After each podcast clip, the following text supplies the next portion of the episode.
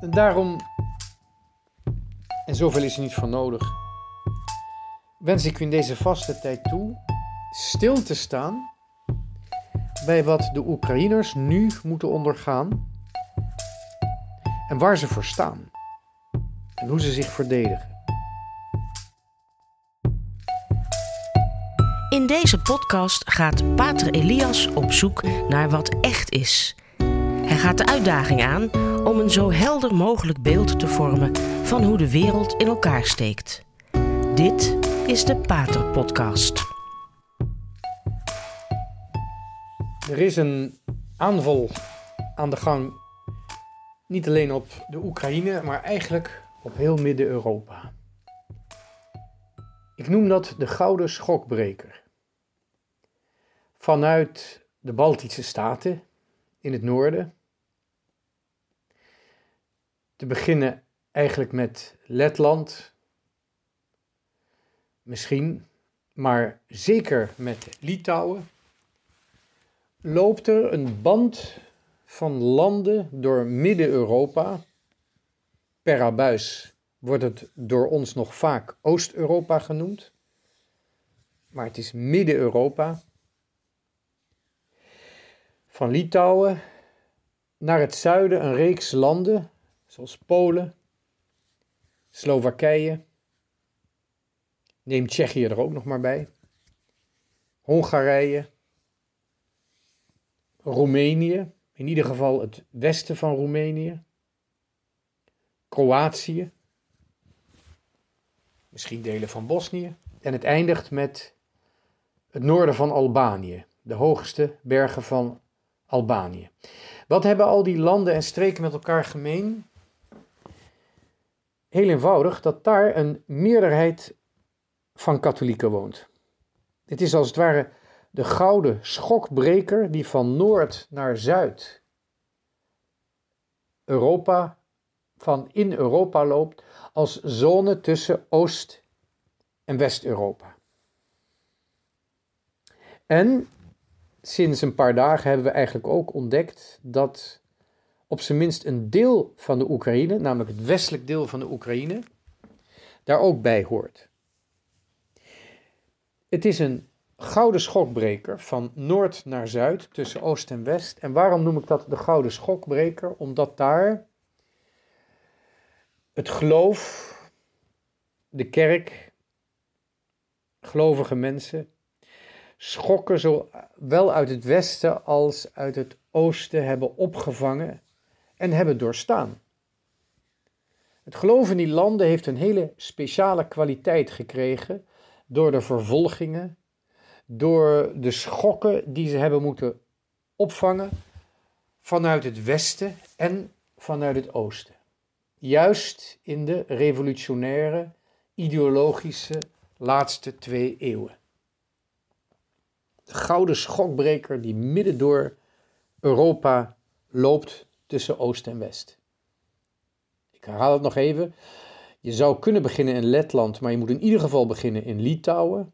De zeer grote meerderheid van het land is op zijn minst van oorsprong katholiek. Dan krijg je Polen, Slowakije, misschien Tsjechië erbij. Maar ook grote delen van Roemenië, Hongarije, Slovenië, was ik nog vergeten, Kroatië. En het eindigt eigenlijk in de hoge bergen van Albanië, Noord-Albanië, waar ook katholieken wonen. Ze hebben allemaal op hun eigen manier te maken gekregen met imperialisme vanuit niet-katholieke of zelfs anti-katholieke, anti-christelijke hoek. En de volkeren in die streken hebben allemaal steun gevonden in hun geloof om hun identiteit te behouden en om überhaupt te overleven. En we zien in deze tijd dat wederom die gouden schokbreker van noord naar zuid, tussen oost en west, de klappen opvangt, de ideologische klappen opvangt. En in feite is de, is de oorlog, de invasie in de Oekraïne, is daar één aspect van. Een gewelddadig, een indrukwekkend, een afschuwelijk aspect van, maar niet het enige aspect. Want we zien eigenlijk al sinds de toetreding van een aantal van deze landen tot de Europese Unie en tot de NATO, zien we heel duidelijk een, een ideologische poging om die landen te reduceren tot wat wij in het Westen goed vinden, vrijheid noemen, moderniteit noemen. En dat uiteraard kan bijna niet anders ten koste van het geloof. Ten koste van de plaats die God in die samenlevingen nog heeft. Het gebeurt niet met raketten, het gebeurt niet met bommen, het gebeurt niet eens met botte desinformatie, maar het gebeurt wel met hele subtiele informatie, subtiele kritiek en ook subtiele verleidingen met geld, rijkdom, plezier. Waarmee langzamerhand de, de ruggengraat van die samenlevingen van Midden-Europa wordt aangetast. En in landen als met name Polen en Hongarije is dat een puur ideologische aanval, die veel eerder is begonnen dan de moeilijkheden en de conflicten in het oosten van de Oekraïne. En die wel degelijk ook de bedoeling hebben om Midden-Europa onder de duim te krijgen. Het is heel vreemd zoals eigenlijk op een analoge manier vanuit het westen en vanuit het oosten Midden-Europa wordt aangevallen. En de reden van die aanval en het doelwit bij die aanval is heel duidelijk het katholieke geloof. En de katholieke wijsheid van waaruit die mensen geleefd hebben en overleefd hebben. De manier waarop Polen wordt benaderd en ook Hongarije, met name in het immigrantenbeleid, waarbij deze landen zeggen wij kunnen niet enorme massa's zonder enig onderscheid, zonder kritiek opnemen. Wij willen legale immigranten die met goede redenen komen en die in het land passen. En dan hoeven ze niet eens Hongaars te zijn of niet eens te, te, te, veel op Hongaren te lijken, maar met mate en niet ten koste van de plaatselijke samenleving. Dat is het belangrijkste. Daar moet worden gekeken of mensen zich daar mogen vestigen die niet ten koste gaan van de mensen die er al wonen. Heel normaal, anders zou het een invasie zijn. En natuurlijk, eigenlijk veel feller is ook de strijd die wordt geleverd om de natuur, de menselijke natuur. De vruchtbaarheid van die menselijke natuur, de natuurlijke vruchtbaarheid. Waar de kerk een enorme strijd voor moet voeren al sinds pak een beet een eeuw. En zeker sinds in 1930 de Anglikaanse kerk overstag en kunstmatige geboorteregeling toestond. Sindsdien is het Westen, wat betreft de menselijke vruchtbaarheid, behoorlijk de kluts kwijtgeraakt. En juist die aandacht voor het beheersen van het menselijke temperament in de seksualiteit, niet het verdringen, maar wel het vormgeven en richting geven. En juist door de kracht van de samenleving te putten uit het gezin, uit de natuurlijke, natuurlijke vruchtbaarheid, maar ook de natuurlijke ehm, rechten van de ouders om hun kinderen op te voeden. Daardoor zijn die samenlevingen in het Westen heel sterk geweest. Het is ook niet voor niets dat toen de communistische revolutie in Rusland eigenlijk was mislukt, de meest fanatieke communisten naar het Westen kwamen, die vluchtten voor Stalin en besloten om niet de kapitalisten, maar het gezin aan te vallen. Want dat was de reden waarom het Westen stabieler was dan het Oosten. Dat was de reden waarom volgens hun, de kapitalisten, sorry, de, de, de communistische revolutie niet was gelukt en de kapitalisten hadden gewonnen. Daar was het gezin schuldig aan. En dus indirect ook de menselijke vruchtbaarheid. En vanuit die fanatieke communisten die zijn gevlucht voor Stalin, heeft zich die revolutionaire aanval op het gezin en de menselijke vruchtbaarheid heeft zich ontwikkeld. Op een westerse, filosofische, intellectuele manier, maar niet minder destructief dan het communisme in het oosten. En nu het Westen helemaal bevangen is van die, van die revolutie, de revolutie tegen de natuur, moeten ook die Midden-Europese landen, voor zover ze zich hebben aangesloten bij het Westen, moeten daaraan geloven. De, de ruggengraat van die samenlevingen in Midden-Europa moet gebroken worden. Want ze zijn te katholiek. En dat geldt met name voor Hongarije en Polen.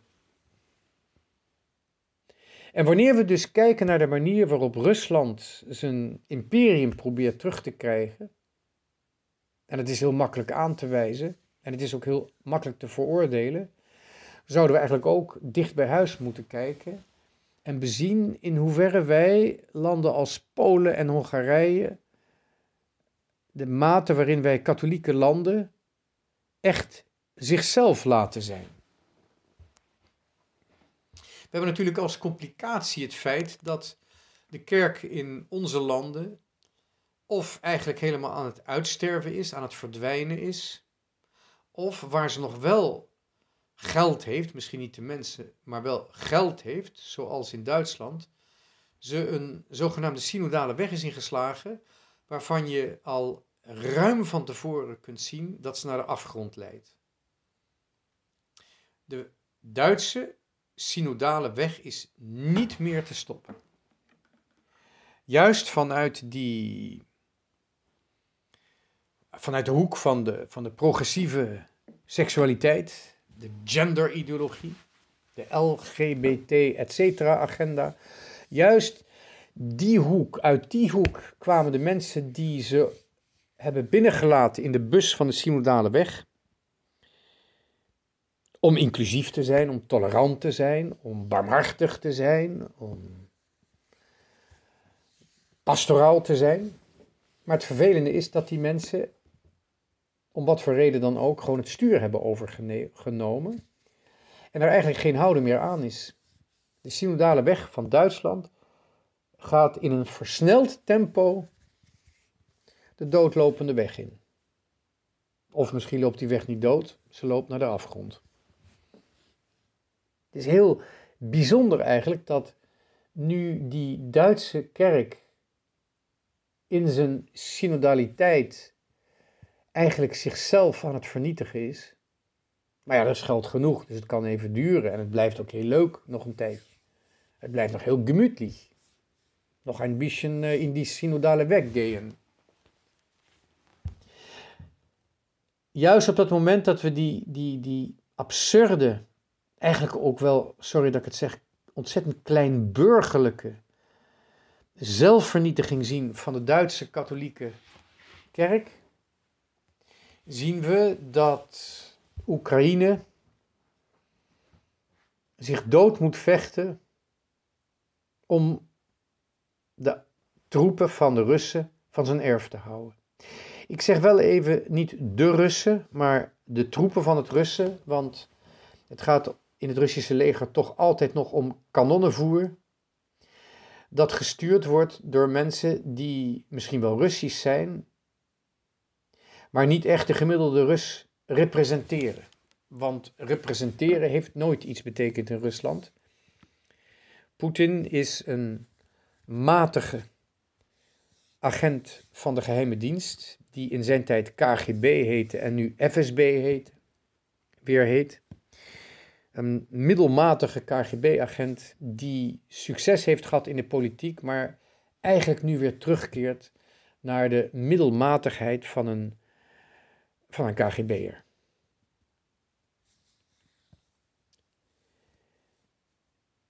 De, de KGB is een, een, een instituut waarover een westerling erg moeilijk, ehm, ja, die, die, dat voor, dat voor de, de westerling moeilijk begrijpelijk is te maken. Een Rus is in zijn hart bang voor de KGB. En een heleboel Russen haten ook in hun hart de KGB, maar je praat er niet over. De woede en de angst die zijn gegroeid door al die decennia heen zonder dat ze die zich konden uiten. En als ze zich geuit heeft, die woede en die angst, dan is dat niet direct op de KGB, niet direct op de FSB. Want dat kan niet. Daar is het instituut te machtig voor. Dus die woede gaat zich uit op een andere manier, maar nooit kan ze zich richten op de oorzaak, de diepere oorzaak van die woede. Misschien wordt die ook niet meer gezocht. Misschien is de, is de gemiddelde rust daar te fatalistisch voor om de misère in zijn samenleving te zoeken in die afgrijselijke, eh, onpersoonlijke gebouwen van wat in het algemeen de speciale dienst wordt genoemd. Maar in feite de geheime dienst is, die alles doet om een echt vaderschap niet te laten groeien in Rusland. En ervoor te zorgen dat Rusland altijd een vaderloos land blijft. En dus is het soms voor ons misschien moeilijk te begrijpen niet alleen de ongelooflijke kracht waarmee Oekraïners zich verzetten tegen de Russen, maar ook de woede die daaraan ten grondslag ligt. Het is heel indrukwekkend dat nu te zien. En het is ook voor ons eigenlijk onbegrijpelijk Net zoals de KGB die de oorzaak is, de geheime dienst die de oorzaak hiervan is, ook voor ons onbegrijpelijk is. Rusland is geen expansief land. Rusland heeft nog nooit echt voluit, gemakkelijk en snel een expansieve oorlog kunnen winnen. Het zijn de defensieve oorlogen geweest waarin Rusland altijd onoverwinnelijk is gebleken. Door de enorme grootte van het land, door het klimaat van het land, door de volksaard. Probeer nooit Rusland te veroveren, zal niet lukken. Maar aan de andere kant mist Rusland de logistiek en de logica om echt een aanval op te zetten en door te zetten. En veroverd gebied te behouden als Midden-Europa ooit delen heeft uitgemaakt van het Sovjetblok, dan komt dat niet door de militairen. En niet door de gewone Russische man of vrouw. Het komt door de geheime dienst. Alleen met de geheime dienst zijn de Sovjets erin geslaagd om verkiezingen te manipuleren, mensen bang te maken, mensen tegen elkaar uit te spelen en zo hun regime te handhaven een halve eeuw lang over Midden-Europa. En de manier waarop ze dat proberen terug te krijgen, die zo extreem gewelddadig is, die manier, ik denk dat die nergens toe zal leiden.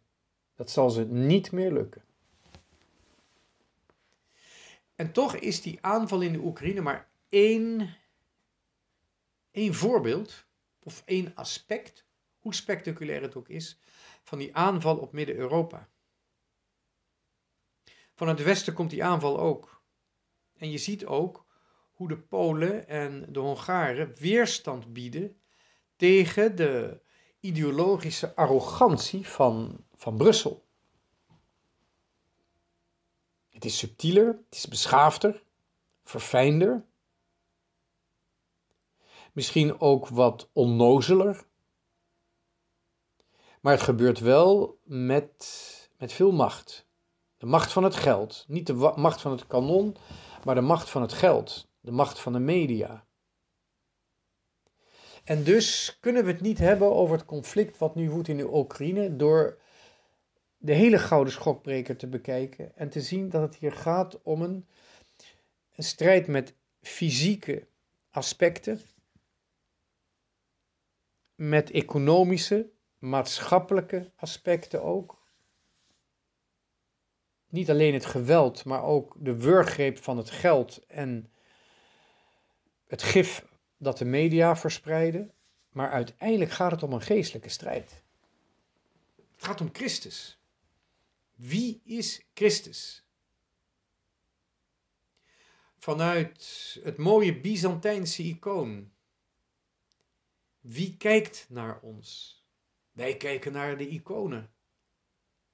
Maar wanneer we dat doen in geloof en met vrees voor Gods almacht, dan beseffen we dat degene die wordt afgebeeld, of eigenlijk beter gezegd, degene die wordt geschreven in die icoon, dat die allereerst ons ziet.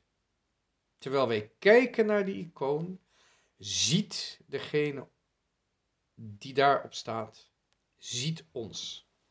wat dat betreft heeft de icoon heeft iets van een sacrament, een sacrament, sacramentele aanwezigheid. Die voor ons niet zo vanzelfsprekend is als voor de orthodox. De vraag mag zijn: wie kijkt naar ons? Wanneer wij die icoon zien. Terwijl aan de andere kant, wij in het Westen, misschien met minder iconen, maar met meer rationaliteit, ons mogen afvragen: leren wij nog wel onderscheid te maken? Leren wij nog wel Gods woord zo te ontvangen dat het in ons helpt het goede van het kwade te scheiden?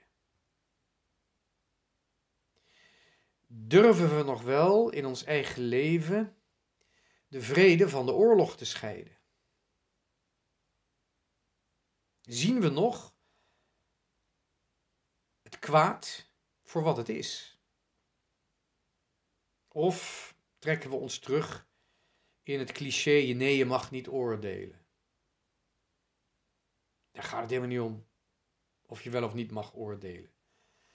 De natuur verplicht ons om te oordelen. We zijn te geschapen om een oordeel vorm te geven in ons leven. En in het geloof betekent dat dat we Gods vergeving en zijn barmhartigheid vormgeven in ons leven. De vergeving van God doorgeven. We vragen er notabene om in het belangrijkste gebed, het Onze Vader. Vergeef onze schulden zoals wij aan anderen hun schuld vergeven. Dat vragen we. In hoeverre zijn we bereid om het woord van God te ontvangen, om onderscheid te maken, in om in ons leven helderheid te scheppen, om in ons leven ook de richting beter te zien waar het eigenlijk heen gaat. Die vragen mochten niet worden gesteld in de Sovjet-Unie. En door alle verstrooiingen en ideologieën en leugens over vrijheid, stellen we die vraag in het Westen ook niet meer. Waar het Oosten bang en woedend is door het geweld wat er hun aangedaan is de vorige eeuw door de Tsjechisten uit Moskou en door de nazi's vanuit Berlijn. Waar het oosten bang en nog steeds woedend is, zijn wij in onze comfort, comfortzone zijn wij onverschillig en misschien ook wel arrogant, ijdel geworden. In feite zijn wij er geestelijk erger aan toe dan de Oekraïners er lichamelijk aan toe zijn. Want we zien het niet. Maar we kunnen het wel zien. En daarom, en zoveel is er niet voor nodig, wens ik u in deze vaste tijd toe stil te staan bij wat de Oekraïners nu moeten ondergaan en waar ze voor staan en hoe ze zich verdedigen. Want zij beelden eigenlijk uit in hun fysieke omstandigheden wat wij met onze ziel zouden moeten beleven. Verdedigen wij onze ziel? Komen wij op voor andere zielen? Beseffen we werkelijk dat evangelisatie niets anders betekent dan andere zielen de, bevrijding, de bevrijding verkondigen? En ook meewerken met die bevrijding. Dat is zielzorg. Het bevrijden van zielen. Solidair met ze zijn. Door vergeving. Door de waarheid. Door de ziel te richten op God. En te troosten met Gods liefde. Met Gods liefde die wij de liefde doorgeven. Dat is de grote uitdaging van de vaste tijd. Vaste tijd is een oorlog. Maar geen oorlog die ons bang maakt, want de overwinning is al behaald. Het is een strijd om deel te krijgen aan de overwinning die al behaald is, die we gaan vieren met Pasen. Ik wens u een gezegende vaste tijd toe. Met oog niet alleen voor de oppervlakkige uiterlijkheden van de wereld om ons heen, maar vooral ook een zoekend oog of misschien ook een ziend oog voor wat zich er werkelijk in onze wereld afspeelt.